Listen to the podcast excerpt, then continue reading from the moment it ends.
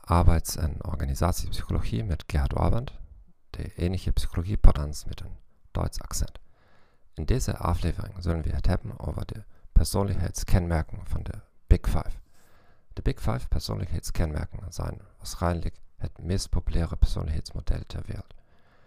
De vijf persoonlijkheidskenmerken zijn verkregen door middel van factoranalyse. Een factoranalyse is een statistische techniek die het mogelijk maakt om onderliggende factoren te identificeren in een aanvankelijk groot aantal vragen in een vragenlijst.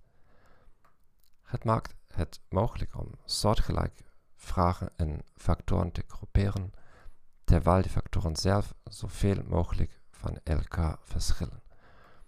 De vijf factoren zijn openheid voor ervaring, inventief, nieuwsgierig of consistent, voorzichtig, conscientieusheid, efficient, georganiseerd of extravagant, onzorgvuldig, extraversie, uitgaand, energiek of eenzaam, gereserveerd, vriendelijkheid, vriendelijk, medelevend of kritisch, rationeel, neuroticisme, gevoelig, nerveus of veerkrachtig.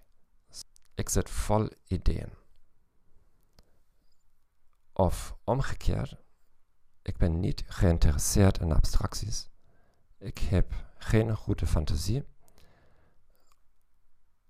Ook omgekeerd. In de volgende aflevering kijken we naar verbanden tussen die persoonlijkheidskenmerken en werkprestaties. Ik dank u voor het naar deze podcast. Ik wens je een fijne dag en tot ziens.